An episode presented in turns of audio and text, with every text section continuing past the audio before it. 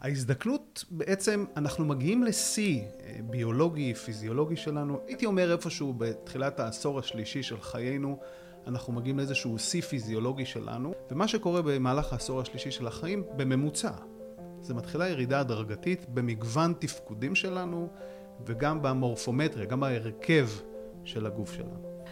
אז בפרק של היום אני מארחת את פרופסור יובל חלד, איש מרתק, מומחה לפיזיולוגיה אינטר... אינטגרטיבית ופיזיולוגיה של המאמץ. הוא מדען, הוא איש אקדמיה בארץ ובחו"ל, הוא יועץ ומרצה, הוא שימש כפיזיולוג הראשי של צבא ההגנה לישראל, והיום, היום הוא מגיע לדבר על סוד מעיין הנעורים. זה שכולנו מחפשים אחריו.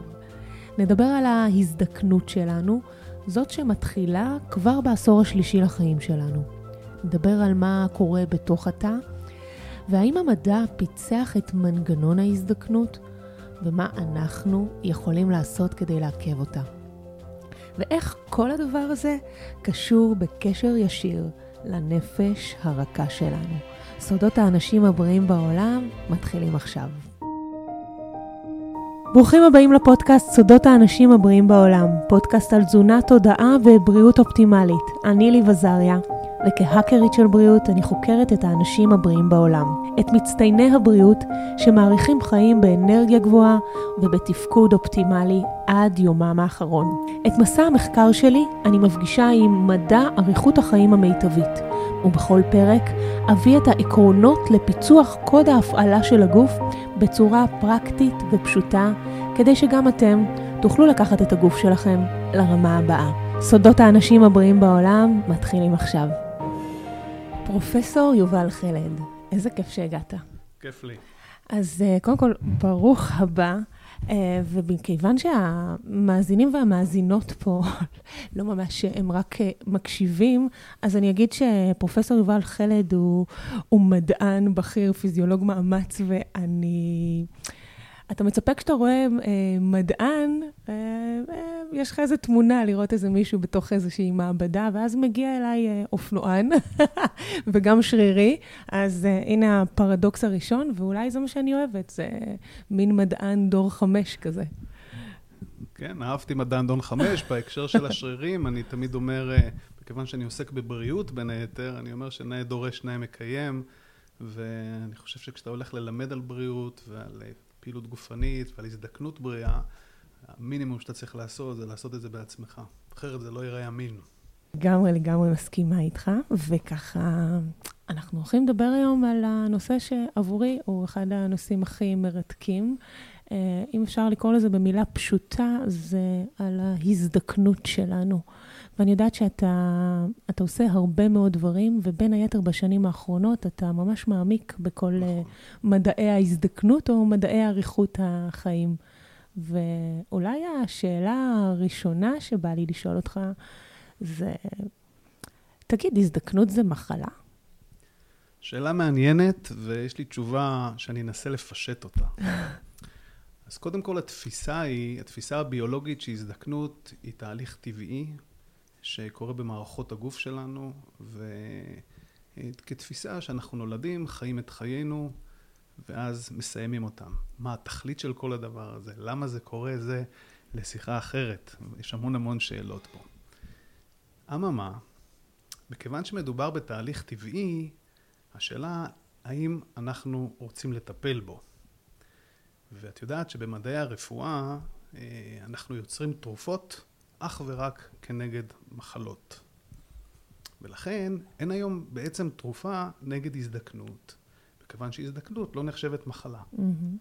בשנים האחרונות חל, מתחיל לחול איזשהו מהפך בעניין, מכיוון שאנחנו למדים שההזדקנות היא תהליך שקורה בפני עצמו. כלומר, זה לא שהמחלות הן שגורמות לנו בסוף לסיום החיים, לתמותה, אלא תהליכים מולקולריים, תהליכים שקורים בתוך תאי הגוף שלנו, יוצרים את הזדקנות התא, וכשהתא מזדקן הוא מועד יותר, הוא רגיש יותר למחלות כמו סוכרת, מחלות לב, סרטן, אלצהיימר וכולי. ואז אומרים חכמים, רגע, אם ההזדקנות היא תהליך בפני עצמו, אם נלמד אותו, אולי נוכל לטפל בו ולמנוע אותו באמצעים טיפולים כאלה ואחרים, בואו נכריז עליו, לא אומר כמחלה, אלא כ target, כמטרה ישירה להתערב בה. ואז ארגון, יש את ה-FDA, את הארגון שמאשר שימוש בתרופות, היום יש שיח איתו בעניין הזה. בואו נייצר תרופה שנקרא לה anti-aging, למרות ש aging הוא לא בעצם מחלה. כלומר ההגדרה פה היא נורא נורא חשובה להתייחסות שלנו. אז אם אני מסכם, ההזדקנות היא ככל הנראה, ואחר כך אני גם מזה אסתייג, היא ככל הנראה תהליך ביולוגי נורמלי, אבל אם אנחנו רוצים לטפל בו, אנחנו צריכים להתייחס אליו כאילו, כאילו שהוא מחלה, למצוא את המנגנון ואז לטפל בו, תרופתית, תזונתית, התנהגותית, טכנולוגית, גנטית וכולי. ואז זה אומר שבסוף הדרך בעצם אנחנו נחיה עד גיל 150? יש ספקטרום, יש ספקטרום של גישות של מדענים משכמם ומעלה בעניין הזה. בתחום של הגריאטריה הרגילה, הרופא הגריאטר הממוצע רואה את החיים שלנו כמשהו שמתחיל ונגמר, והתחום הזה מטפל בזקן. גריאטריה היא רפואת, היא רפואת הזקן. בתחום של הגרונטולוגיה, שהוא תחום של חקר הזקנה, שם הדעות חלוקות. הספקטרום שם זז, יכול לזוז החל מ-150 שנה בדורות הבאים ועד, תתפלאי, חיי נצח. ושם עולה טענה בקצה של הספקטרום, וכל אחד מאיתנו, אגב, גם האזרח הפשוט, כן, שלא עוסק ב... לא פשוט, אבל הוא לא עוסק במדע, וגם אנחנו המדענים. כל אחד מאיתנו נמצא על הספקטרום הזה, על הרצף הזה, במה הוא חושב ומה הוא מאמין, על מה הוא מסתמך, ומה, את יודעת, מה ההלך רוח שלו לגבי העתיד.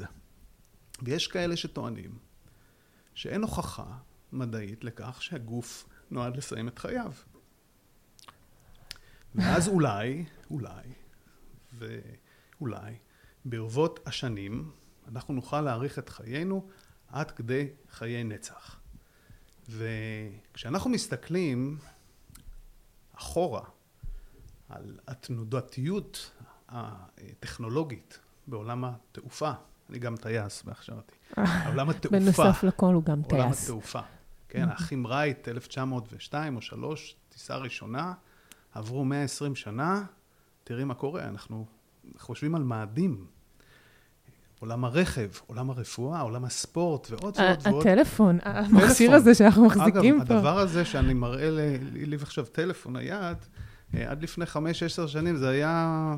אז, אז אנחנו, אני קורא לזה תמיד, אנחנו מדשדשים, ואז יש קפיצה. מדשדשים, ואז יש קפיצה. הדשדוש הזה במקום יכול להיות עשר שנים, יכול להיות מאה שנה, יכול להיות גם אלף שנים, ויהיו קפיצות. והספקטרום הקיצוני של המדע אומר שאנחנו מעבר לפינה של קפיצה משמעותית בתוחלת החיים לאזור המאה החמישים כבר בדור שניים הקרובים, ואז נדשדש שם מאות שנים, אולי יותר, ואז תהיה קפיצה. אני רוצה לומר את דעתי בעניין הזה. דעתי בעניין היא שביולוגית את יודעת, האישה שחיה הכי הרבה היא צרפתייה נחמדה, שנפטרה ב-96, למיטב זיכרוני, בת 122. 122? כן, 122. ואף אחת לא שברה עדיין את ה... ואף אחד לא שבר באופן רשמי. יש כל מיני טענות וטיעונים, אבל באופן לא רשמי מתועד רק היא שם. וכנראה שאזור הזה, אזור המאה ה-20 פלוס מינוס... וגם בוא נדבר על זה שהיא ישנה כל חייה. היא ישנה כל חייה, אז יש לי הרבה מה לומר, אגב, אם תתני לי זמן. כנראה שזה איפשהו הסף הביולוגי שלנו, שם הוא נגמר. ומה שיקרה מעבר לזה, ככל הנראה, ואני מעז לומר, כי מותר לי, כי אני, כי אני מדען, אני חושב שמה שיקרה מעבר לגיל המאה ה-20, 150 והלאה, אנחנו לא בדיוק נהיה אנחנו. Mm. לא נהיה בדיוק אנחנו. כבר ברגע שבביולוגיה שלנו תהיה התערבות טכנולוגית, אה, ברגע שנתחיל להשתיל תיאורטית, את יודעת, מדברים על צ'יפים שיושתלו במוח, איברים שיושתלו, לא בדיוק נהיה אנחנו, ואז השאלה, מי יחיה עד גיל 200? מי יחיה עד, לצורך העניין, תיאורטית, חיי נצח? האם זה יהיה אנחנו, או האם זה יהיה משהו אחר שנקרא לו משהו אחר? וואו. ודעתי שביולוגית, איפשהו הגבול שלנו, פלוס מינוס, mm-hmm. אנחנו uh, הגענו אליו. הגענו אליו. כן. אגב, האוכלוס... הממוצע של האוכלוסייה שהיום מתחיל לנשוק לגילי ה-90-100, לדעתי אלה הגילאים שבן האדם פחות או יותר נועד להגיע אליהם. אנחנו קצת מעכבים אותם בגלל האופן שבו אנחנו חיים. כן, חברת, ה, חברת השפע, הטכנולוגיה המתקדמת, האוכל המתועש, כל הדברים האלה, לא מאפשרים ש... לנו למצות את הפוטנציאל הזה. ורגע לפני שאולי נצלול לתוך העולם השפע וההשלכות שלו, אז שנייה, אני מורידה אותך מהמאדים הזה של אולי נחיה עד גיל 200, ואני שואלת, אנחנו במאה ה-21, ההזדקנות שלנו, הרבה פעמים נדמה לנו שהיא קורית עם הקמת הראשון. אמ, אבל אולי כדאי שנסביר את זה, מתי באמת קורית ההזדקנות הזאת. תראי, עוד פעם, גם כאן יש, יש המשגה. אה, לפי, ה, לפי החוק, לפי ביטוח הלאומי, אנחנו חושבים זקנים בגיל 65. אני פוגש הרבה אנשים מבוגרים, אני גם מרצה בבתי אבות בהתנדבות, אני מאוד אוהב את האוכלוסייה הזאת ואני מלמד וחוקר. וכשאנשים בני 70 שרצים מרתון למשל, שומעים שהם זקנים, לא מוכנים לקבל את זה. ולכן ההגדרה של זקן היום היא כבר הגדרה שהיא לא נכונה, ופה אנחנו מבחינים בין גיל ביולוגי לבין גיל כרונולוגי. אדם יכול להיות בן 70 והגיל הביולוגי שלו, לפי כל מיני קריטריונים שהם לא, לא כולם מסכימים עליהם, אבל יש כמה כאלה. שהוא יכול להיות בן 60 או 50 גיל ביולוגי וב-70 גיל כרונולוגי וההפך. ההזדקנות בעצם, אנחנו מגיעים לשיא אה, ביולוגי, פיזיולוגי שלנו, איפשהו בסוף גיל, בין סוף גיל ההתבגרות לסוף, לתחילת, לסוף גיל הבגרות שלנו, או לתוך מהלך גיל הבגרות. הייתי אומר איפשהו בתחילת העשור השלישי של חיינו, אנחנו מגיעים לאיזשהו שיא פיזיולוגי שלנו. עכשיו אה, ריתקת אותם, זהו. מעכשיו הם מתחילים להקשיב, כי הם לא בני 70 הרי, הם לא מאזינים לי והם בני 70. אז עכשיו אתה... והגילאים האלה, אגב, גם בעולם, אני בא גם בין היתר מעולם המאמץ הגופני, אני פיזיולוג של מאמץ, בין היתר, ואנחנו מלמדים שזה הגיל, אה, למשל פיק בון מס, כן, מסת העצם המרבית, גם בנשים וגם בגברים, קורית איפשהו בגיל 20 וקצת. Mm-hmm. ומה שמעניין הוא, בטח בנושא של מסת העצם, שמה שלא הצלחת להשיג או הצלחת להשיג עד הגיל הזה, אין אפשרות יותר. להשיג אותו. את מסת, את מסת השריר אפשר קצת להעלות וכולי, את מסת, את מסת העצם לא. ולכן גם החשיבות, מכיוון שההזדקנות שלנו אה, מתחילה אה, בעשור, אה, ההזדקנות הייתי אומר, יש כאלה שאומרים שאנחנו מתחילים להזדקן מרגע שאנחנו נולדים. אז כרונולוגית זה נכון, כי אתה, החיים שלך הולכים ומתקצרים, אבל ביולוגית הייתי אומר, תהליך האנבולי, תהליך הבנייה שלנו, הוא, הוא יותר גדול מתהליך הקטבולי, מתהליך הפירוק שלנו אל תוך העשור השלישי של החיים, ומה שקורה במהלך העשור השלישי של החיים בממוצע. זה מתחילה ירידה הדרגתית במגוון תפקודים שלנו וגם במורפומטריה, גם בהרכב של הגוף שלנו. ו, ומש, ואגב, ואם תרצי נמשיך ונדון בזה בהמשך, הקצב של ההזדקנות שלנו הוא מוכתב נכון גם על ידי הגנטיקה שלנו, גם על ידי המזל, אבל יש לנו תרומה של לפחות 50-60 אחוז על הבריאות שלנו ועל ההזדקנות שלנו. אז הגנטיקה, גנטיקה זה 50 אחוז? לא, 30, 30, mm-hmm. 35, בין 30 ל-40 אחוז קובעת את הגנטיקה שלנו, וזה משתנה בין אנשים. ולכן זה טריקי. ליב, אני רוצה לומר לך, כמדען, אמ, אני, אנחנו צריכים להיות מאוד מאוד צנועים. שומעים אותנו אה, עכשיו אלפי אנשים, עשרות אלפי אנשים אני מקווה, כל אחד מהם שונה. והאתגר שלנו, את יודעת, אנחנו מדברים היום על personalized medicine, על רפואה מותאמת אישית, על תזונה מותאמת אישית, על אימון מותאם אישי. אנחנו יודעים שאנשים מגיבים שונה לגמרי. יש אנשים שמקבלים תרופות נגד דיכאון, מגיבים להם מצוין, ויש אנשים שלא מגיבים להם בכלל. יש אנשים שמתאמנים ומעלים את היכולת האירובית שלהם ב-X, ויש אנשים שפחות. ולכן, עד שלא יהיה לנו, עד שלא יהיה לנו את תעודת הזהות הגנטית המדויקת של כל אחד, ונדע להתאים לו את אורח חיים שמתאים לו, אנחנו חייבים להתייחס פחות או יותר אותו דבר לכולם, ולעמוד בעקרונות שאנחנו מכירים אותם היום.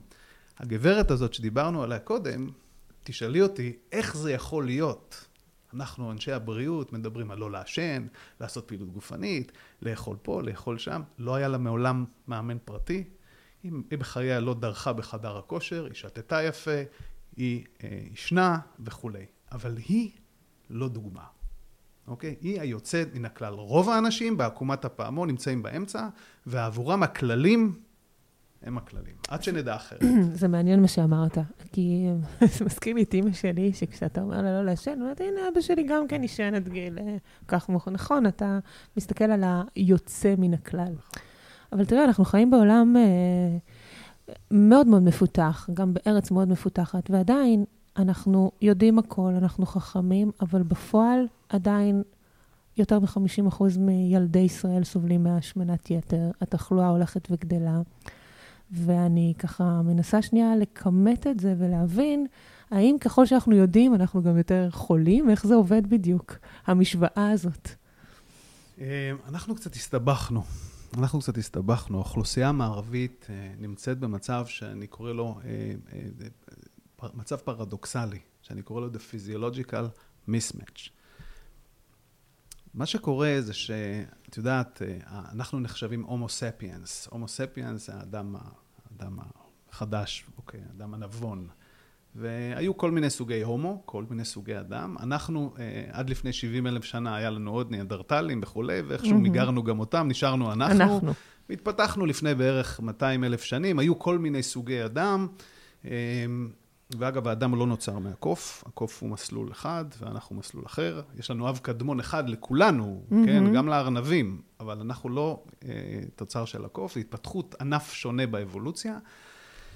ואני רוצה לספר לך שבאלפי שנים, כן, שחלפו, הגנטיקה שלנו לא כל כך השתנתה.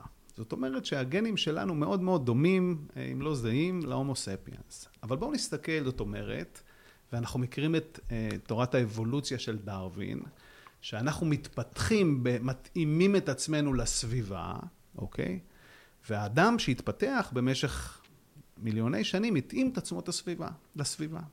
כלומר, הגנים שלנו מתאימים לסביבה שלפיה האדם מתפתח. מי זה, לאיזה סביבה האדם מתפתח? הוא התפתח לרעב, לקור, לחום, לצורך לצוד, אבל לצורך לנוח כדי לאגור אנרגיה. הוא התפתח לתנאי שפע וחוסר, מעגל mm-hmm. של שפע וחוסר. ואחת השאלות שאני אוהב לשאול אה, את, את הצופים שלי, את הסטודנטים שלי וכולי, האם נועדנו לנוח או לנוע? אז כולם מסתכלים עליי, ואומרים, מה, חייב להגיד לו שנועדנו לנוע?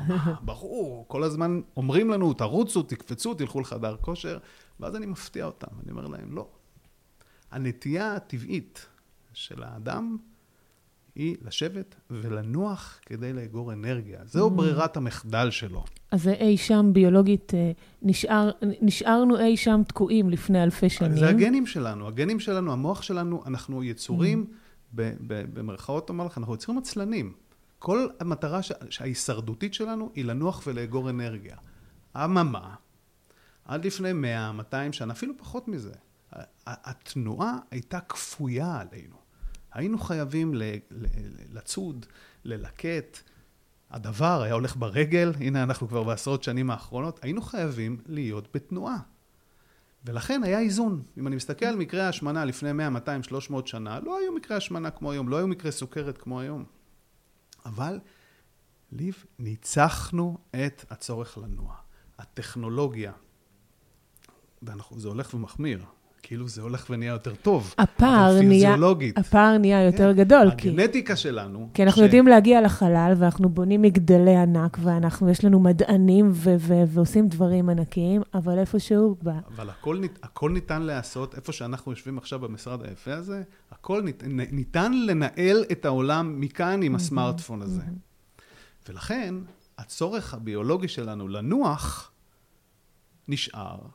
והחובה שלנו לנוע כבר לא קיימת, ולכן אני קורא לזה forced physical activity. אנחנו צריכים לאלץ את עצמנו להיות פעילים, אבל יש פה מרכיב חשוב, כי כשאתה פעיל גופנית ואתה מתרגל לזה, אתה נהנה מזה, כי בכל זאת היה איזשהו מנגנון שהיה צריך להניע את האדם לנוע. ולכן אני אומר שאם אתה רוצה לעשות שינוי באורח החיים שלך ולהיות בתנועה יותר, אתה צריך להפוך את זה לאיזשהו הרגל, ההרגל הזה יגרום לאיזשהו איזון. בין החובה אבל לנוח. שנייה, לפני שאנחנו בכלל מגיעים לפרקטיקה, כן, בואו שנייה נתעכב על המקום הזה, שבו פתחנו את הפער הזה, ואולי משם נוצר הפרדוקס, שבעצם מצד אחד אנחנו, הטכנולוגיה היא זאתי שמקדמת אותנו, אבל היא גם זאתי שעושה אותנו חולים. כן, כן. ואנחנו יודעים היום, שאת יודעת, אה, אה, לא מעט אנשים ישמעו את הפודקאסט הזה ויגידו, רגע, מה החבר'ה האלה מדברים? אנחנו כמעט הכפלנו את תוחלת החיים שלנו במאה השנים. אנחנו בעשורים האחרונים מעלים את תוחלת החיים שלנו בשלוש שנים כמעט בעשור. אבל אם תעשי חישוב, תראי שכשאני מחשב את היחס בין תוחלת הבריאות לתוחלת החיים, היחס הזה ירד. זאת אומרת, שאם פעם, אני, אני סתם זורק מספרים כרגע, נניח שחיינו עד גיל 60, אבל היינו בריאים עד גיל 55, אז היחס היה בחמש שנים האלה ביחס ל-60. היום אנחנו חיים עד גיל 100, אבל אנחנו מתחילים להיות חולים בגיל 70. זאת אומרת, היחס הוא בין 30 ל-100. ולכן, זה טעות להגיד שאנחנו אה, חיים יותר, יותר. ולכן אנחנו יותר בריאים. תוחלת הבריאות היחסית שלנו היא יורדת. אנחנו חיים יותר, אבל אנחנו גם חולים יותר. ו- וזה בעיה, כי הטכנולוגיה גרמה לנו לחלות יותר, לפתח מחלות כרוניות. תראי, האורח החיים שלנו, אה, המזון שאנחנו אוכלים, הסטרס שאנחנו נמצאים בו, כל הסביבה, הסביבה זה ההתנהגות שלנו, היא סביבה שיוצרת לנו אינפלמיישן, דלקות בגוף שלנו, יוצרת לנו בעצם רדיקלים חופשיים בגוף, הסטרס, המזון המתועש וכולי, והם דברים שכמעט אי אפשר להימנע מהם, והם מאוד נוחים ומאוד טעימים, ומה יותר נוח מלשבת ולצפות טלוויזיה וככה ללטף את הבטן ולאכול איזה... מה גם שהאבולוציה מאוד אוהבת את זה, כי אתה נח, אתה אוכל משהו טעים, אתה, אתה אוגר אנרגיה. ויש לנו אתגר מאוד גדול. ו... אז בעצם הגוף, אם אני יכולה להסתכל על, על, על המקום הזה של ההשמנה, אז הגוף שלנו, בגלל שאבולוציונית הוא נח ואוגר את המזון, אז שם אנחנו בעצם אה, נכון. משמינים. זאת אומרת שבעצם, אם אני אקח משפט קיצוני, השמן של היום הוא השורד של ההיסטוריה, מדהים, אוקיי? נכון. עכשיו, וקוראים לזה The Thrifty Genotype, הגן החסכן.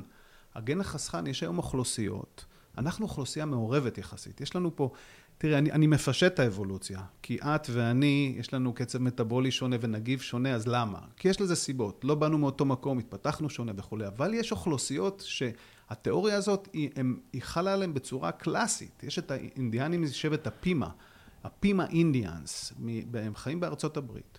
הם היו אוכלוסיית אינדיאנים מאוד מאוד פעילה, ואז אה, השתלט עליהם האדם הלבן, השתלטה עליהם התרבות המערבית.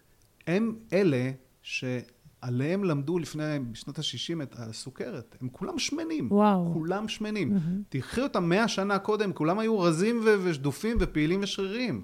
אבל once, once, ברגע שנתת להם את האפשרות לנוח, בום, הם נחו ואכלו.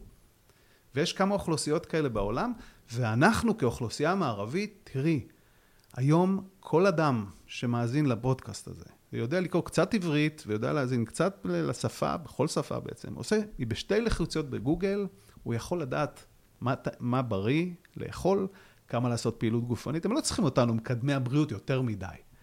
אבל למה הם לא עושים את זה? הם לא עושים את זה כי יש להם נטייה ביולוגית לא לעשות את זה, ואני לא- כבר לא מדבר על סוגיה סוציולוגית, תרבותית, שחיי השפע, יש, יש כלל שהוא מאוד יפה, הוא כלל פסיכולוגי שמוכיח שככל שיש לך יותר אפשרויות, אתה רוצה לנצל אותן. ראי ערך לשבת במסעדה. שנינו יודעים איך נראה תפריט במסעדה, נכון? זה overwhelming. יש שם עשרות. אפשרויות. ויש שם עשרות אפשרויות לקינוח. אי אפשר לשבת במסעדה ולהתמקד במשהו. הגיוון והשפע יוצר צריכת יתר. וצריכת היתר הזאת, בעניין של הנוחות שלנו, המזון שלנו, היא לרועץ עבורנו, והיא קשורה לתחלואה הכרונית. ולכן התזונאיות שאני מלמד, הרופאים שאני מלמד, ששואלים אותי, הדברים האלה הם כל כך ברורים. למה אנחנו לא מצליחים לשנות לאנשים את ההרגלים? חלק מזה נובע מהצרכים האבולוציוניים הביולוגיים האלה, הפער הזה שנוצר. וזה דורש מאיתנו עבודה קשה מאוד של חינוך, של קביעת מדיניות, ו- ובזה אנחנו, אני חושב כ- כמדינה, אנחנו לא מספיק טובים. לא רק בישראל. אז אני, אז, אז בעצם מה שאתה אומר, זה כשנוח לנו, אז אנחנו יותר חולים, ו, והתחלואה שלנו כשאנחנו מאמצים יותר. הרגלים שגורמים לנו ל... אבל לנוחות, אם אני רוצה בלי אוקיי. פוליטיקלי קורקט, כשנוח לנו, אז אנחנו לא יכולים להתפתח לשום מקום. ופה בא השלב הבא, שאני קורא לו לצאת מאזור הנוחות, כן? ואנחנו יודעים היום אה, שכדי להשתפר בכל דבר, אתה צריך לצאת מאזור הנוחות. אין כזה דבר קל בלי הישגים. יכול להיות שאת יודעת, אפשר למצוא כל מיני דוגמאות, אבל זה לא עובד. כדי לשפר את ה-resilience, את החוסן שלך, כדי לשפר את הבריאות שלך, אנחנו קוראים לזה הורמזיס. הורמזיס בעצם זה חשיפה של הגוף או מערכות הגוף לסטרס מסוים, לדחק, להקה מסוימת, שהגוף מתגבר עליהם והופך להיות חזק יותר. הופך להיות חסין יותר. וברמה האבולוציונית, אותו הורמזיס, בעצם אה, לפני אלפי שנים, הוא היה חלק טבעי מהחיים שלהם. נכון. אז בעצם אנחנו מדמים את מה שהיה בדיוק. פעם. קוראים לזה, אה, קוראים לזה intermittent behaviors, כן? כלומר, התנהגות מחזורית. אם אנחנו חוקרים mm-hmm. את איך חיו, אפשר לעשות את זה היום, כן, אפשר לעשות את זה היום, אנתרופולוגית, אה, אה, וגם אנחנו יכולים להסתכל על שבטים איך חיים היום. הגישה היום, שאתה צריך לקום לאכול ארוחת בוקר, צהריים, ערב, לישון שמונה שעות ולשבת בזה, היא מכניסה אותנו לאיזה פלט מסוים שהוא לא בריא לנו. אתה צריך מדי פעם לעשות מאמץ, אתה צריך מדי פעם לא, לצום, אתה צריך מדי פעם להיחשף לחום, אתה צריך מדי פעם להיחשף לקור, אתה צריך מדי פעם לכעוס קצת. כל הדברים האלה יוצרים סטרס מסוים שהוא גורם לך לתהליך של אדפטציה, הסתגלות. אז בוא נדבר על, על מה, מה בעצם, קודם כל מה זה ההורמזיס הזה, ומה הוא עושה לנו ברמה התאית. Okay. אוקיי. הורמזיס הוא מדע מתחום הטוקסיקולוגיה, שאומר, אה, כי אני ככה מפשט את זה מאוד, אומר okay. כן. שכדי להיות חסין לרעל, אתה צריך להיחשף לרעל הזה ב... מינון. במינון נמוך מאוד ובהדרקה. בהדרגה. קצת כמו חיסון, לא? קצת. החיסון יוצר הורמזיס. אתן לך דוגמה מדהימה, אני כותב על זה עכשיו, יצא ספר בתחום הזה גם כשיהיה לי זמן. אה, קרינה. Mm-hmm. קרינה ידועה כמסרטנת, ואנחנו, אה, מחקרים שעשו אחרי הירושימה ביפן, הראו שאכן רצו לעקוב אחרי מקרי הסרטן בירושימה, וראו אכן שאנשים שהיו במעגל של הפצצה האטומית חלו יותר בסרטן, נורא. אבל מה שראו עוד, שזה אנשים שחיו רחוק מהפצצה, ונחשפו לקרינה מעטה. הם חסינים יותר. מדהים. הם חולים פחות בסרטן. וואו. מה שקורה זה שכדי שאתה, כן, כדי שאתה יתגבר על הקרינה, על הטוקסיות, על הרעילות, על הרדיקלים החופשיים, אתה צריך לחשוף אותו לרדיקלים חופשיים כדי שיפתח נוגדי חמצון. אני רוצה לספר לך סוד, לא בטוח ש... וואו, זה אומר לא... שאני צריכה לקחת את הבנות שלי לאמבטיות קרח, עוד שהן בעודן קטנות? אז לא, אז עוד פעם, אין לזה... אה, א', הנושא של קריותרפי, שאנחנו מכירים, אה, הוא נושא שההוכחות המדעיות, יש הוכחות מדעיות שקריותרפי מפחית inflammation.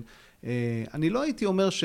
בהכרח צריך עכשיו להיחשף למים קרים כל היום. לא, אני פשוט תוהה, האם ככל, בגיל יותר צעיר, כשאני נחשפת לאותו סטרס אקוטי יזום, האם זה בעצם משפר את העמידות שלי? כנראה שכן. כנראה שכן. אנחנו מכירים את הסיפורים של ילדי הכפר מול ילדי העיר, שבודקים את התחלואה, רואים שהילדים שהם...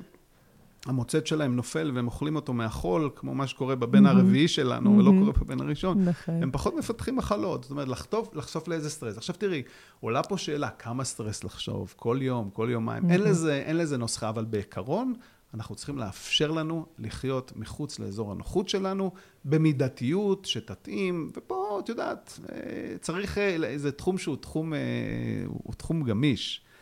אבל אין ספק שלהתחיל להיחשף, שלהיחשף לסטרס מסוים, שהוא סטרס נסבל, כי גם בסטרס הזה יש עקומה שאנחנו קוראים לה אה, עקומת התחום הנורמלי, התחום האפקטיבי של ההורמזיס. כי מה הסכנה? הסכנה היא שאנחנו נחשף לרעילות גבוהה מדי. Mm-hmm. אתן לך דוגמה מעולם האימון הגופני למשל. אנחנו יודעים שפעילות גופנית עד לבל מסוים, כן, של עצימות ומשך אימון, יש לה השפעה חיובית. מעבר לזה, היא כבר מפסיקה להשפיע, ובשלב מסוים יותר אפילו אפילו עלולה לגרום לשחיקה, להזיק. כשאתה יוצא מתחום הרומזיס. אז לא לעשות פעילות גופנית בכלל זה מזיק, לעשות יותר מדי עבור חלק מהאנשים, זה גם יכול להזיק, ולכן התחום ההורמזיס, תחום ההורמטי, התחום של ההסתגלות הבריאה, נמצא איפשהו באמצע, והוא כנראה די רחב, וצריך להתאים אותו. תזונה, את יודעת, למה פירות בריאים? אומרים שבפירות יש נוגדי חמצון. לא נכון. הפירות רעילים, או לפחות חלקם. הפירות, וואו. בטח, הפירות, יש בהם חומרים. הרי הפירות, אבולוציונית, רוצים שלא יאכלו אותם, נכון? אז הם מייצרים רעלנים, כדי שמי שיאכל אותם, ימות. אז, אה, אז הפירות בעצם קצת רוצים להרוג אותנו. אבל, מכיוון שאנחנו אנשים גדולים, ואנחנו לא אוכלים 300 פירות ביום, אז כשאתה אוכל איזשהו פרי, כן? אמ, אז בעצם הוא גורם לך ליצירה מסוימת של רדיקלים חופשיים, שגורמת לך לייצר נוגדי חמצון, ואתה הופך להיות חסין יותר. זאת אומרת, ההשפעה של הפירות היא השפעה דרך מתווך. הם עצמם, בחלק מההשפעה שלהם, זה קורה עם ויטמינים. כן, הוויטמינים יש להם השפעה שהיא קצת טוקסית, mm-hmm. קצת רעילה, אבל היא יוצרת בעצם תגובה שמתגברת על העירוליות. ולכן, אגב, עודף ויטמינים, אנשים שש... ש... שמשתמשים ביותר מדי supplements, תוספים, או יותר מדי ויטמינים וכולי, הם יכולים לסכן את עצמם, כי הם בסופו של דבר יהיו רעילים, אוקיי? וכמובן יש סוגים כאלה ואחרים, אבל זה העיקרון. העיקרון בכלל בבריאות הוא להיחשף לאיזשהו סטרס מסוים, ועכשיו אה, תראי, כמובן, שאנחנו, יש, יש גורמי סטרס שאנחנו היינו כן רוצים ל... אז חום הגוף, כשהוא חום. עולה, זה סטרס? כן, בוודאי. ולכן, לכן אגב, סאונה, סאונה מסוג אינפרארד למשל, אה, הוכחה כמשפרת את התפקוד החיסוני. הגוף נכנס לסטרס מסוים, מייצר חלבוני מגן שנקראים heat shock proteins, חלבונים שמגנים מחום, היום כבר קוראים להם heat stress proteins, זה חלבונים שמגנים מסטרס. ובעצם מעצם זה שאת חושפת את הגוף לחום הזה, שהוא צריך להיות מבוקר, שהוא צריך להתאים לך, למצב הבריאותי שלך, לגיל וכולי. הוא מייצר, בעצם מייצר, משפר את החסינות. אבל, אני לא רוצה שיקחו את זה מכאן שהיום האדם הולך לקאנטרי, הוא נכנס לסאונה, או לקרח, או whatever, והוא אומר יופי, לא, זה לא עובד ככה. זה לא one shot. זה לא one shot. כל הנושא של אורח חיים, הוא חייב להיות משהו קונסיסטנטי. משהו שאתה עושה אותו פעם, פעמיים, שלוש בשבוע לפחות, חוזר עליו בצורה מבוקרת, לא- הדרגתית. לא, הוא גם לא מטרה ממוקדת ספציפית. אני רוצה לרדת חמישה קילו, הגעתי ליעד וזהו, לא, אני לא, עכשיו. לא, זה לא. ולכן המושג של דיאטה ו- וסוגי הדיאטות, ואני עושה זה ועוד חודש, זה לא כן. עובד. אתה צריך, כדי ליצור הסתגלות, אתה צריך לעשות משהו שיביא אותך לאורח חיים אחר, טוב יותר, בריא יותר, והוא לא צריך להיות סגפני דרך אגב, אבל מדי פעם להיחשף לפעילות גופנית, להיחשף לקצת צום, מה זה צום? פעמיים, פעמיים בשבוע נניח להפסיק לאכול מ-6 בערב עד 10 בבוקר, או פעם בכמה שבועות לעשות יום צום למשל, או פשוט קצת לאכול פחות מתי, זה, זה בסדר, לאפשר לך שנת לילה ללא צום, לא צריך לאכול ב-10 בערב. אה, כמובן, אני, אני רוצה לומר שכמו בהרבה, אה, כמו בהרבה פקטורים שמקדמי בריאות, יש, יש את, את יודעת, אנחנו בני אדם שיש לנו נטייה לקיצוניות, ואנשים לוקחים אותם למקומות קיצוניים. ואני אומר לך, ו, ויש, אני רואה אותם היום, אפילו אנשי מקצוע לוקחים את זה. תודה על השפיות הזאת. כן, אבל... לוקחים אותם לכל מיני מקומות, למשל, אה, אנשי מקצוע שמתחילים לצום ימים, שבועות. או עושים איירון מן וחוזרים על איירון מן, אם עושים איירון מן, או שזה אול, מול, אולטרה ריצות, אם עושים את זה מסיבות של זה אני רוצה לעשות כפעם בחיים, יופי, אבל זה לא, זה לא לשפר את הבריאות. אתה חורג מהתחום ההורמטי, אתה mm-hmm. חורג מהתחום המועיל. וזה מסוכן, וצריך לשים לב, ולכן אנשים שרוצים לעשות איזשהו שינוי בחיים שלהם, שרוצים ליצור את הסטרס הבריא הזה, רצוי מאוד שיעשו את זה ב-common sense, וכמובן שיתייעצו עם גורם מקצוע, עם איש מקצוע, עם פיזיולוג, עם רופא ספורט, איש מקצוע, עם פיזיולוג, עם רופא ספורט, אה, ש, תזונאי, אנשים שיש להם הסמכה ומכירים. אגב, לא כל פיזיולוג, לא כל רופא ספורט מכיר. וצריך למצוא את האנשים שיעזרו להם בעניין, ילוו אותם. כי אנחנו, ברפואה אנחנו אומרים first do no harm. קודם כל אל תזיק. אחרי שאתה לא מזיק, תתחיל התועלת, וגם שם תשים לב שאתה לא חורג מה... עכשיו, כל זה מתקשר לנושא של הזקנה. כי אם אתה אה, מגביר את החסינות. אגב, החסינות הזו היא מאוד מעניינת, כי גם חסינות מנטלית, חסינות נפשית, כן? היא קשורה לחינוך. אנחנו כהורים, אם אנחנו מאפשרים לילדים שלנו לקבל כל מה שהם רוצים, והכל קל להם, הם לא מפתחים את ההורמזיס הזה. צריכים לעמוד בפני קשיים שאנחנו כהורים, כן, צריכים לנטר אותם. אז זה נכון בהתנהגות, זה נכון בחינוך, זה נכון בפסיכולוגיה. אני הייתי הפיזיולוג הראשי של צה"ל, ואני הייתי יועץ ליחידות המיוחדות בצבא האמריקאי. עד היום אני קצת בקשר עם מערכות ביטחון בעולם, ואני אומר לך שאי אפשר ליצור חייל בלי שהוא נחשף לגורמי דחק, גורמי סטרס, גם פיזיים וגם מנטליים. אבל אסור לך לחרוג. אסור לך, היינו קוראים לזה לחרוג מהשוליים של הכביש. Mm-hmm. אם אתה חורג מהשוליים, אתה תגיע לתהום ואתה תגרום לנזק. והתחום הזה, התחום האורמטי הזה, הוא תחום שאנחנו צריכים להבין שהוא לפעמים אישי, ואנחנו צריכים להיות מאוד זהירים בו. כי המעטפת, אפשר למתוח אותה, אבל לא, לא יותר מדי. ובכלל דיברנו על הזדקנות של התא, והלכנו ל... אז, אז אני, מה קורה בתא? אני, מה קורה בתא, ומתי זה מתחיל? ואני מאמינה שכשנותנים לנו הנחיות יבשות, מאוד קשה לנו לבצע. אומרים לנו, עשה כך וכך וכך, תאכל כך וכך וכך. בתור אנשים אה, אינטליגנטים, אה, ברמה הכי בסיסית, מאוד קשה לבצע הנחיות יבשות. כשאתה מבין את הלוגיקה, כשאתה מסביר לי עכשיו שהגוף שלי הוא אי שם עדיין נמצא אבולוציונית לפני אלפי שנים, זה עושה לי שכל, ומהמקום הזה מאוד קל לי לפעול. ולכן אני רוצה שתסביר את ה... מה קורה לנו ברמה התאית, הביולוגית, בתוך הגוף שלנו. אז תראי, התא, התאים שלנו עובדים כל הזמן, עוברים תהליך של אה, הרס ובנייה, אה, חלק מהתאים עושים את זה ברמה מאוד מאוד גבוהה, כמו תאי העור, חלק עושים את זה כמעט ולא, אחרי שמתפתחים כמו מערכת העצבים, מערכת השרירים, אבל בעיקרון התאים, התהליך, התאים שלנו עוברים תהליכים של פירוק ובנייה וחלוקה, ושני דברים קורים שם בתיאוריות ההזדקנות. למה התאים האלה מזדקנים בעצם? אז אה, יש את התיאוריה על שם חוקר בשם אייפליק, שהחוקר הזה אמר שלכל תאים בגוף יש איקס מספר אה, חלוקות עד שהתא הזה, עד שהתא הזה מסיים את חייו, mm-hmm. וזה מתבטא באורך של הטלומרים. הטלומרים נמצאים על הכרומוזומים שלנו, וכל חלוקה של התא, הטלומר הזה הנה, מתקצר. הנה, עכשיו אתה מתחיל לדבר כמו מדען, ושוכח okay. אוקיי. שאנחנו... אוקיי, okay, אז זה מה, אז כשמדברים איתי על התא, אני זה, אז בסוד, אני אעזור לך. אוקיי, okay, התאים שלנו עוברים תהליך... של אה, חלוקה והתחדשות. עכשיו, בתא שלנו יש את ה-DNA. ה-DNA הוא בעצם, ממנו אה, נוצרים הגנים שלנו. עכשיו, ה-DNA הוא עשוי מאותיות. Mm-hmm. עכשיו, דמייני לך שאת כותבת, מעתיקה משהו, מעתיקה, מעתיקה, מעתיקה, את עושה את זה אלפי פעמים. מדי פעם תטעי, נכון? Mm-hmm. אז ככל שאתה עובר חלוקה, ה-DNA הזה עלולות להיות בו טעויות. ולכן, ככל שאנחנו מתבגרים והתאים עוברים את החלוקה, ישנם טעויות ב-DNA שיכולות ליצור מוטציות. כן? שהן מוטציות רנדומליות שנגרמים בעקבות התהליכים האלה. עכשיו, המוטציות האלה יכולות להיגרם גם מנזקים שקורים לתא. אז הם יכולים, רגע, אז בעצם זה יכול להיגרם משחיקה של זמן?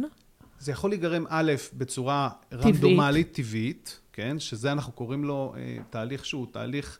אה, שהוא, אה, אפשר להגיד שהוא מכוון, זאת אומרת, הגוף יודע שזה יקרה לו, mm-hmm. אבל יש תהליכים של שחיקה, והתהליכים של השחיקה, כי מה שבעצם נקבע לנו, אנחנו לא כל כך יכולים להשפיע עליו, התהליכי השחיקה שמהווים, אמרתי, 50-60 אחוז, ומה שקורה בתהליכי השחיקה זה הסביבה אליה נחשף התא.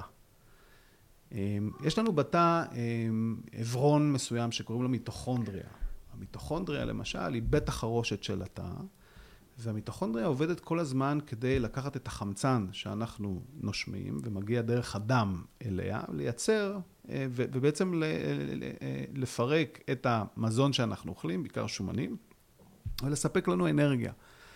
המיטוכונדריה עובדת בתוואי... מיטוכונדריה זה כמו בטריה שלנו, הסוללה. בטריה, בית החרושת של ייצור האנרגיה שנמצא ברוב תאי הגוף. המיטוכונדריה מפעילה תהליכים אירוביים, תהליכים בנוכחות חמצן. חמצן יוצר כשמו חמצון, וחשיפה לחמצן יוצרת היווצרות רדיקלים חופשיים. עכשיו, ככל שהמיטוכונדריה הזו נחשפת לסטרס גבוה יותר, כן, אמ, ולא מקבלת מספיק אמ, הגנה במנוחה, בתזונה, באורח החיים שלנו, גורמי הסטרס הרדיקליים החופשיים מצטברים שם, נוצרים תהליכים תלקתיים, והמיטוכונדריות האלה בעצם הפעילות שלהם, היכולת שלהם לייצר אנרגיה, הבטריה של התא שלנו בעצם, היא הולכת ו- ו- ונמוגה, הולכת ונחלשת, ואז בעצם חוסר היכולת של התא לספק לעצמו אנרגיה, גורם לו להזדקנות. איך נראה, איך נראה אדם אה, שככה יש לו שחיקה במיטוכונדריה? איך, איך הוא נראה מבחוץ?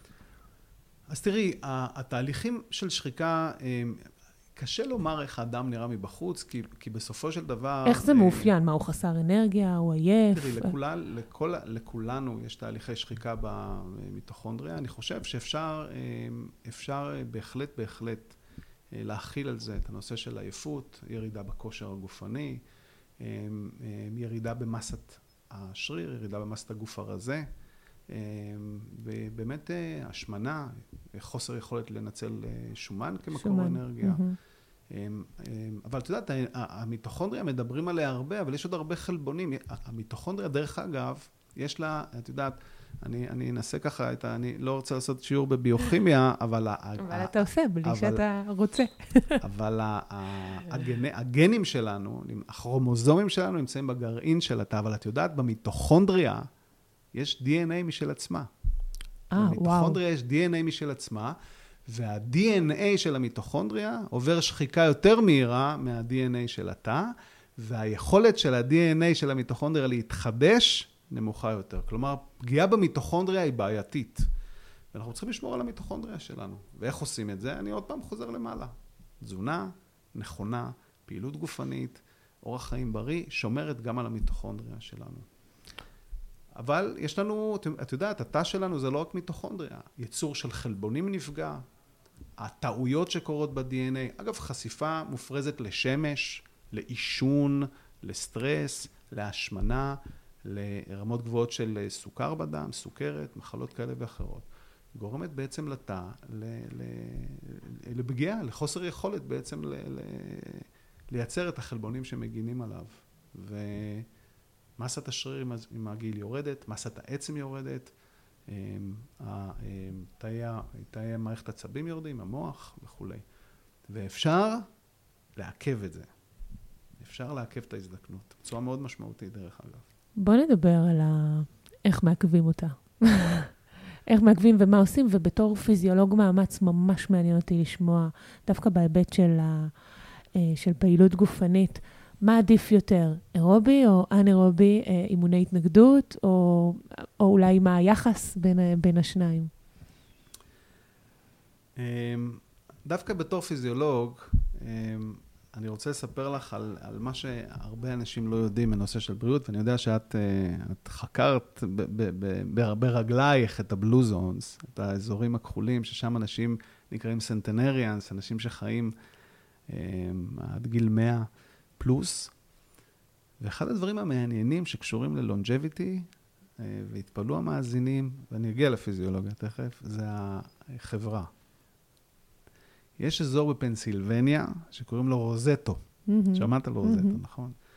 והגיעו לשם לפני 150 שנה, מהגרים מאיטליה, והחבר'ה האלה, הם הגיעו עם עוד מהגרים ממקומות אחרים, מסתבר שהם לא מתחת לגיל 55, אין, אין התקפי לב שם, הם, הם, הם בריאים בצורה לא רגילה. עשו מחקרים וראו שהם מעשנים ושותים ולא עושים פעילות גופנית בדיוק כמו המהגרים סביבם. הדבר היחיד שמאפיין את תושבי רוזטו זה הקהילה, המשפחה. ואת יודעת, הסנטנריאנס, אחד מהדברים שאנחנו שכחנו בעולם המערבי, זה שהזקן צריך לגור איתו, לשמור עליו. הוא החכם. וברגע שנותנים לזקנים את התמיכה החברתית, את המשמעות, את האפשרות לשיח, הם חיים יותר, נקודה. נקודה. עם תזונה, בלי פעילות, עם גאילות גופנית, בלי פעילות, פשוט יש להם משמעות לחיים, יש להם למה לקום, מכבדים אותם ולא שמים אותם בכל מיני מקומות, ולא אומרים הוא לא שומע, הוא לא מבין, הוא שומע, הוא מבין, הוא יודע יותר טוב מאיתנו. ויש לו תפקיד, אגב, אבולוציוני, The Grandmother and Grandfather Theory. הם אמורים לטפל בדורות הבאים כדי לאפשר לדורות המתבגרים לצמוח. וזה משהו שהחברה המערבית שכחה, וזה עוד בעיה שגורמת להזדקנות הזאת שלנו, שהיא הזדקנות לא טובה, הזדקנות לא בריאה. תגיד, בתור מדען, אתה חושב שהמקום הזה שבו אה, נותנים לך את המשמעות ואת המהות של החיים, זה, זה, זה בעצם משפיע על הביוכימיה של הגוף שלך? בהחלט כן. זה, זה נושא בהחלט מרתק. כן, בהחלט כן. אה, אה, תראה, כשמשהו מרגש אותי, אני עם צמרמורת. זה, זה בהחלט מטורף. כן. זה hypothalamus, pituitary, adrenal, axis. זה המערכת שמחברת דרך, דרך חלק במוח שנקרא היפותלמוס, שהוא חלק מהמערכת ההורמונלית, הוא חלק ממערכת העצבים. והמרכיבים האישיותיים הם, הם מחוברים שם, ואנחנו יודעים שכשהנפש שלך עסוקה ויש לה משמעות והיא פעילה, יש לך מצב רוח טוב, זה משפיע על אותו DNA במיטוכונדריה. תאמיני או לא. זה משפיע על ה longevity שלנו, הנפש שלנו, החברה שלנו. איך זה קורה בדיוק מולקולרית? אנחנו יודעים להגיד מה קורה, איך זה קורה, והאם באיזה, כל המערכות זה קורה, קצת קשה להגיד.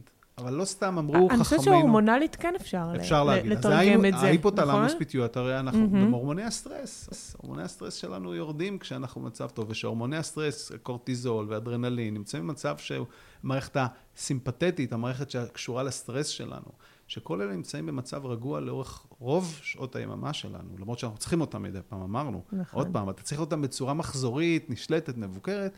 האדם בעצם מעריך את חייו. לא סתם אמרו, לא, המצאנו כלום, הכל ידעו שנפש, שגוף בריא בנפש בריאה. אנחנו יודעים את זה. ולכן הנושא החברתי, את, את יודעת עוד פעם, לא המצאנו כלום. ארגון הבריאות העולמי, בשנות החמישים, שהוא ניסה להסביר את ה... הוא הגדיר את המושג הבריאות. אני היום שואל, מה זה בריאות? לא להיות חולה. לא נכון. בריאות זה חוסר במחלה, אבל גם מצב סוציאלי, נפשי, חברתי, תקינים. ולכן אדם שרוצה, שאת שואלת אותי איך להגיע לזקנה, אנחנו קוראים לזה זקנה בריאה, זה לעטוף את עצמך בחברים. הבן שלי הגדול, קוראים לו מתן. כשקראנו לו ככה, לא חשבתי על זה. אבל עם הזמן התחלתי לקרוא את הרמב"ם למשל, שהוא מדבר על בריאות. מתן, זה מזון, זה תנועה, וזה נפש. מדהים. אז כל יום שאתה קם בבוקר, או את קמה והולכת לישון, תזכרי את מתן שלי, סטודנטים שלי היום רצים עם זה. תעשה צ'ק, האם חשבתי? זה לא אומר שאני צריך להיות סגפן ולאכול את ה... לספור את הקלוריות. נהפוך הוא. האם חשבתי על איכות וכמות המזון שלי היום? האם חשבתי על התנועה היום? האם עשיתי מספר צעדים? האם ניסיתי יותר לעלות במדרגות? האם הלכתי לאימון שלי? והנפש שלי, איך אני מרגיש? איך אני חי? האם טוב לי? האם לא טוב לי? אולי אני צריך לעשות שינוי? אולי אני צריך לקבל עזרה? מתן הזה צריך ללוות אותנו כל הזמן. ולנפש תפקיד חשוב. מה בפעילות הגופנית? יש לנו בגדול שני סוגים של פעילות גופנית ברמה המטבולית. מהמם. פעילות אירובית, שהיא הפעילות שאנחנו מכירים אותה כסבולת לב ריאה, ריצות, אופניים, הליכות, שחיות, כל משהו מעל 20 דקות, חצי שעה ומעלה, פעילות תת-מרבית, כן? ויש לנו את פעילות הכוח, פעילות כנגד התנגדות, שמזוהה בעיקר עם, עם רמת משקולות או פעילות כוח. ובאמת, הזהות כלפי האוכלוסייה בעיקר מזהה את הפעילות האירובית כפעילות שתורמת לבריאות הגוף שלנו. הריצות הממושכות אה, וכולי. לא כך הדבר. בעיקר בשנים האחרונות אנחנו למדים שלפעילות כנגד התנגדות יש תפקידים לא פחות חשובים מהפעילות האירובית על המוח למשל, על השלד ועל התפקוד בגיל המבוגר. ולכן ההמלצות, גם ההמלצות הבינלאומיות היום מדברות על בין 150 ל-300 דקות בשבוע של פעילות אירובית מתונה, כן, שזה הליכה, ריצה, שחייה, אופניים, לחלק את זה לחצי שעה, Mhm. שלושת רבעי שעה, ארבע, חמש פעמים בשבוע, אה, צריך, צריך לה- להקדיש לזה קצת זמן. אבל אם תסתכלי על מה אנשים עושים ב-24 שעות, הם אומרים לך, אין לי את החצי שעה הזאת, אני לא מאמין. פשוט צריך להחליט שזה מה שעושים, כי כבר הם לא צריכים לצוד וללקט, מהמם. אז צריכים להכריח את עצמם לעשות את זה, וצריכים לנסות ליהנות מזה גם, ובעיקר להתחייב ולהתרגל, אבל גם פעמיים שלוש בשבוע לעשות פעילות כנגד התנגדות. אנחנו יודעים היום שהשרירים שעובדים כנגד התנגדות מייצרים פקטורים כמו הורמונים. השריר מייצר כמו הורמונים, את יודעת? לא. שנקראים מיוקינים. היום אנחנו יודעים ששריר פעיל מייצר חומר שמשפיע על המוח. אז, אז עכשיו שאדם מבין שכשהוא הולך לחדר כושר ומרים משקולות למשל, הוא לא רק מעלה את מסת השריר שלו ואת מסת העצם שלו כתוצאה מההתנגדות, הוא מייצר פקטורים, גורמים מסוימים, חלבונים שמופרשים מהשריר ומשפיעים על הלבלב, על הכבד, שזה לא קורה השומן. באירובי? זה קורה פחות באירובי. Mm-hmm. אירובי יש לו את כבודו במקום המונח, mm-hmm. כן? אירובי כבודו במקום המונח. לב, ריאות, מוח, אה, עצם וכולי. לכן, התשובה לשאלתך היא שצריך לשלב ביניהם, כן? אני לפעמים אה, שומע מאנשים מבוגרים שהם הולכים לשחות כל בוקר ואז הולכים ויושבים בפרלמנט ואומרים עשיתי את שלי. לא עשית את שלך. כלומר עשית זה יופי. אבל קודם כל אין לך אימפקט בבריכה. האימפקט הזה, כן, mm-hmm. הוא מייצר עצם. אין התנגדות. דבר שני, לא עשית אימון התנגדות. אז אנא להוסיף איזשהו אימון התנגדות. וצריך לעשות איזשהו מרשם לעניין הזה. עוד פעם, פעמיים בשבוע אימון כנגד התנגדות, נניח לא בימים עוקבים, ועוד בין שלוש לחמש פעמים בשבוע אימונים אירוביים, וחשוב אולי לקבל איזושהי הדרכה ולהמשיך עם זה, פשוט להמשיך את זה כאורח חיים. כמו שאתה אה, עושה קניות, כמו שאתה מצחצח שיניים. כמו שאתה פותח את המקרר. כמו שאתה פותח את המקרר, שזה הרגל שאפשר קצת להפחית בו, על חשבון להוסיף פעילות גופנית. ואני חושב שאת צודקת. אני חושב שאם אנשים כל הזמן חופרים להם בראש על איך לאכול נכון, וזה, צריכים להבין את המנגנונים, צריכים להבין את הפוטנציאל, יש לנו בגוף פוטנציאל מאוד טוב, הגוף שלנו הוא, הוא גוף חסין, הוא יודע לבנות את עצמו, הוא יודע להשתקם מצוין דרך אגב, ואנחנו מכירים אה, אה, באבולוציה הקצרה שלנו, מכירים איך אנשים הסתכלו לתנאים נוראיים וחיו אותם. אז לגוף שלנו יש את היכולת, בואו נעזור לו, בואו נעזור, ואם תעזור לו, אתה לא רק שתחיה יותר, אתה תחיה גם יותר בריא ויותר. ומי לא רוצה את זה? את יודעת שהיום בחברה המערבית, עשר השנים האחרונות לחיינו, הם עשר שנים שיש להם איזושהי דיסביליטי מסוימת, איזושהי תחלואה שמגבילה אותנו. אז בואו נצמצם את העשר שנים האלה. המדענים שעוסקים בתוחלת בריאות, אומרים עזבו אותי כרגע מלהאריך חיים לחיי נצח. בואו נחיה עד גיל מאה, אבל במקום להיות חולים מגיל שמונים, בואו נהיה חולים, כי בסוף הגוף יצטרך להידרדר, כן? רק בשנה האחרונה, כמו סוללת ליתיום. Mm-hmm. סוללת ליתיום עובדת בדיוק אותו דבר, ובום נכבד. היום אנחנו, אברי, אני אספר לך משהו על הסנטנריאנס, על החבר'ה שראית.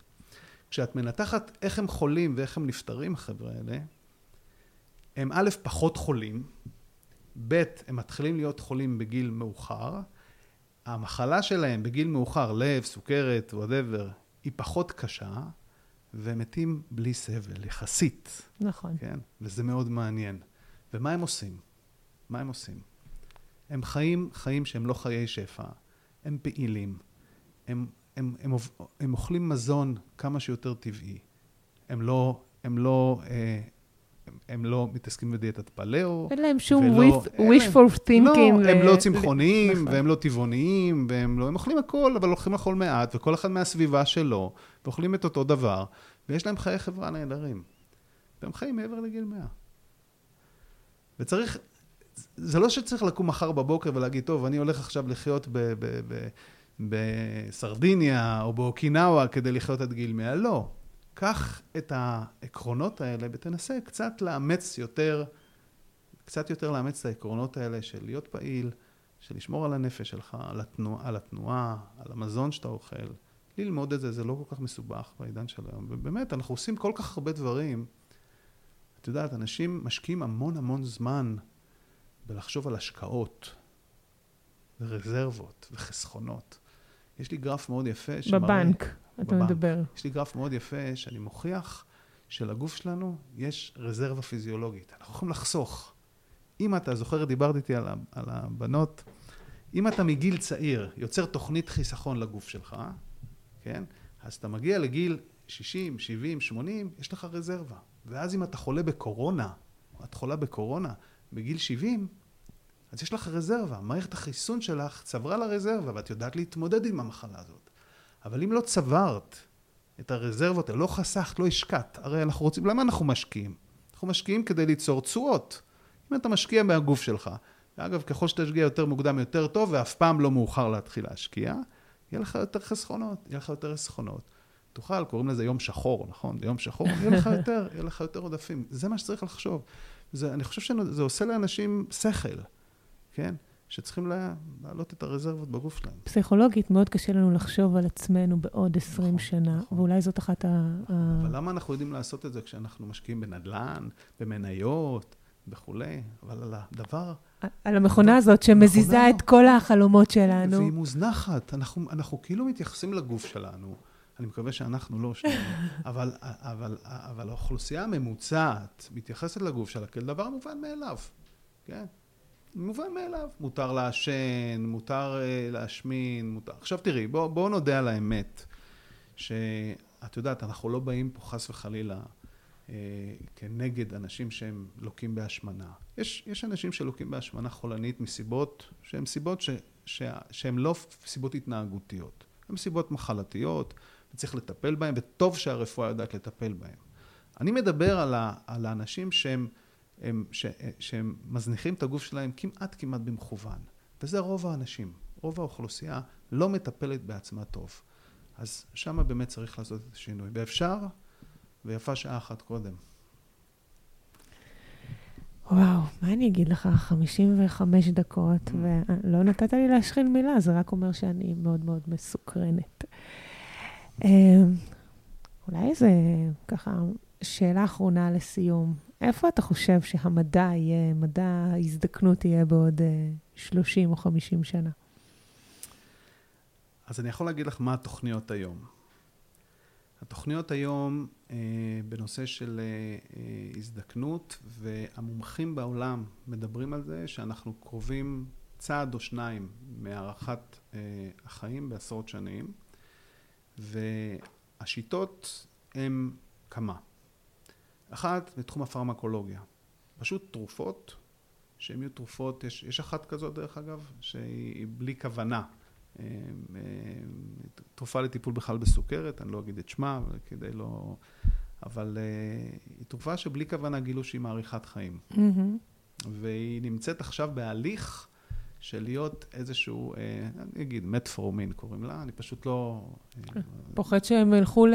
לא, תראי, אפשר לקרוא את זה גם באינטרנט. אבל מטפורמין היא התרופה הראשונה שזוהתה אה, כתרופה שיכולה להאריך חיים. תרופה נוספת היא רפמיצין, שלוקחים אותה במקרים של למנוע דחייה של שתל. זאת אומרת, יש, יש כמה תרופות היום שכבר נותנים למדענים, מה שהתרופות האלה עושות, בכלל ההתערבויות, לא דיברנו על תאי הסנסנס, התאים האלה שדיברנו קודם, שנשחקים, כשאנחנו צעירים, השחיקה של התאים הזו יוצרת בוסט ליצירת תאים חדשים. כשאנחנו מזדקנים, התאים הזקנים האלה הם שיוצרים את המראה הזה שאת מדברת mm-hmm, עליו. Mm-hmm. התרופות האלה, או הטרגטינג, הוא בדיוק לטפל בתאי הסנסנס האלה, פשוט ל...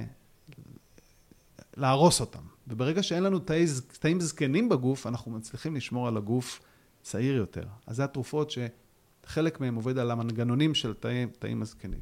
אז אחד זה המסלול התרופתי. המסלול השני הוא המסלול ה, אה, שעוסק בשינויים בהנדסה גנטית. אני לא יודע אם את מכירה את הקריספר.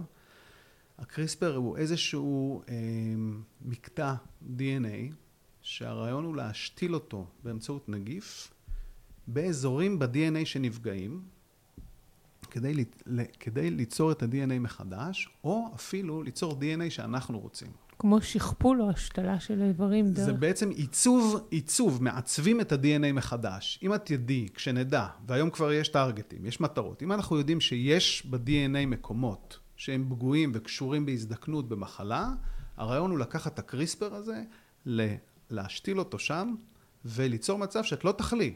ואם נדע, ואנחנו לא יודעים היום, היינו צריכים אולי להתחיל עם זה, אנחנו לא יודעים היום מה הגורמים להזדקנות, אנחנו יודעים להסביר את ה...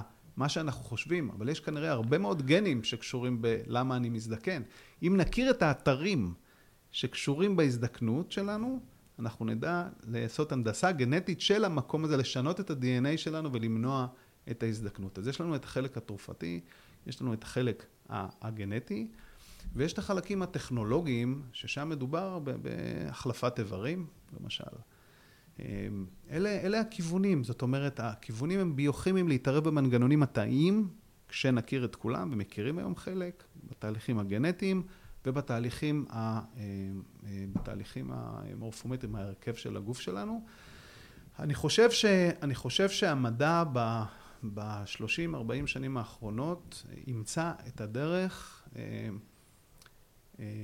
למנוע לעכב, לטפל בחלק, ברוב המחלות שקשורות בהזדקנות, בצורה הרבה יותר טובה מהיום, כבר בסרטן יש התקדמות משמעותית, אה, בסוכרת יש התקדמות משמעותית, באלצהיימר יש התקדמות משמעותית, מחלות הזקנה, פרקינסון קצת.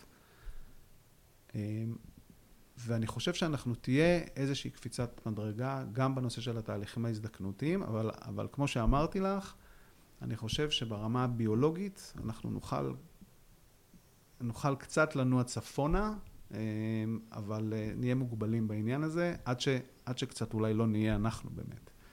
וזה מרתק, מרתק גם אותי לאן, לאן אנחנו הולכים. אה, זה, זה גם שווה כבר להתחיל לעבוד מעכשיו, מי שעוד עושים, לא עבד. עושים את זה. עושים את זה. היום, היום במעבדות שעוסקות בנושא של anti-aging, על שולחן, על ה bench, כמו שאנחנו קוראים לזה, כל הנושאים האלה, גם בארץ, כל הנושאים האלה נמצאים על שולחן המעבדה.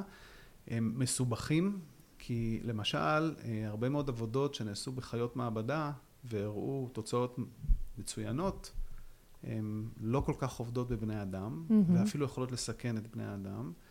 וההתערבות, תזכרי תמיד שההתערבות ברמה הגנטית, ברמה המולקולרית, אה, היא יכולה אה, תיאורטית לגרום לתוצאות חיוביות מצד אחד, אבל יכולה לגרום לנזק מצד שני. הגוף שלנו הוא מאוד מאוד מורכב. והוא חי באיזה הומאוסטזיס, באיזשהו שיווי משקל שלו. ובצד הזה של הספקטרום שמדבר על ההזדקנות כתהליך טבעי, הוא אומר, חבר'ה, הגוף הזה, יש לו את עקומת החיים שלו. זה כמו שלמחלה יש, יש לה את הדינמיקה שלה. אתה חולה והמחלה עוברת בסוף. יש את החיים שיש להם את הדינמיקה שלהם. אם אתה תתחיל להתערב יותר מדי בדינמיקה של החיים, mm-hmm. יכול להיות שאתה תגרום לנזקים. ולכן זה מאוד לא פשוט. זה נראה, על, על, את יודעת, על הנייר שאני מדבר על הארכת הטלו, הטלומרים האלה, לשמור על הכרומוזומים, זה נראה מאוד יפה. אבל כשאתה מאפשר לתא, כשאתה מאפשר לתא לא למות, מזכיר לנו איזה מחלה למשל? סרטן. Mm-hmm. זאת אומרת, יש משהו בהארכת תוחלת החיים של התא ובאפשרות של התא להתחלק ולהתחלק ולא למות, mm-hmm. זה בדיוק המנגנון שיכול לגרום, לגרום לסרטן. לסרטן. והנה לך קושי במדע, שמצד אחד אתה רוצה לאפשר, מצד שני אתה רוצה לעכב. לכן הביולוגיה היא מסובכת, וצריכים להיות צנועים אה, בהצהרות שלנו, ובינתיים, עד שלא נוכל להתערב ב-DNA, ועד שלא נוכל אה, לטפל בתאים האלה והאלה, בואו נזכור את מתן, בואו נשמור על המזון האיכותי שלנו, אה, על הכמויות ועל האיכויות שלו, בואו נהיה בתנועה. כמו שאנחנו צריכים להיות.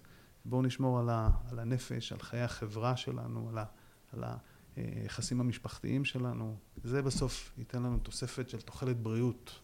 נכון, ולא עוד שנים לתוך ה... נכון. אולי זה עדיין, אנחנו, אולי שנים לתוך החיים שלנו. נכון.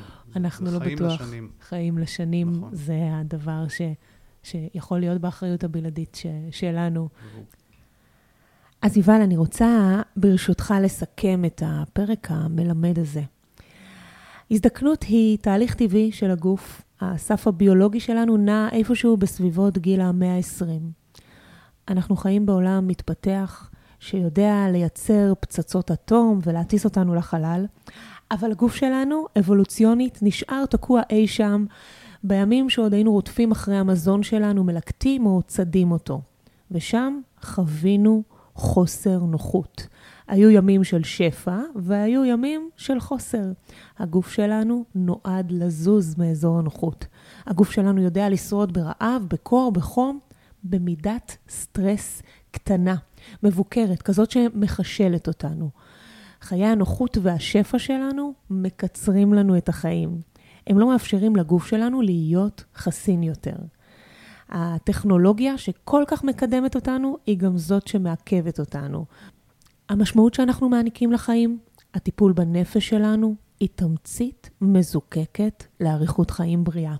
היא משפיעה על הביוכימיה של הגוף, משפיעה על הורמוני הסטרס והורמונים נוספים שאחראים על ויסות ואיזון הגוף שלנו.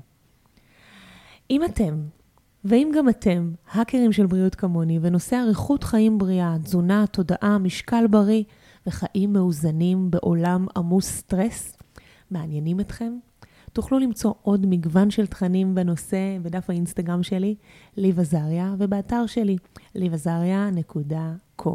וכמובן, בארבעת התוכניות שלנו שעוסקים בשחרור משקל ובריאות לנשים עסוקות.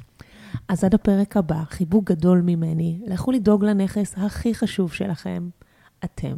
כזה. כי זה כזה, היה מרתק מאוד. גם תודה לי. רבה רבה. בבקשה.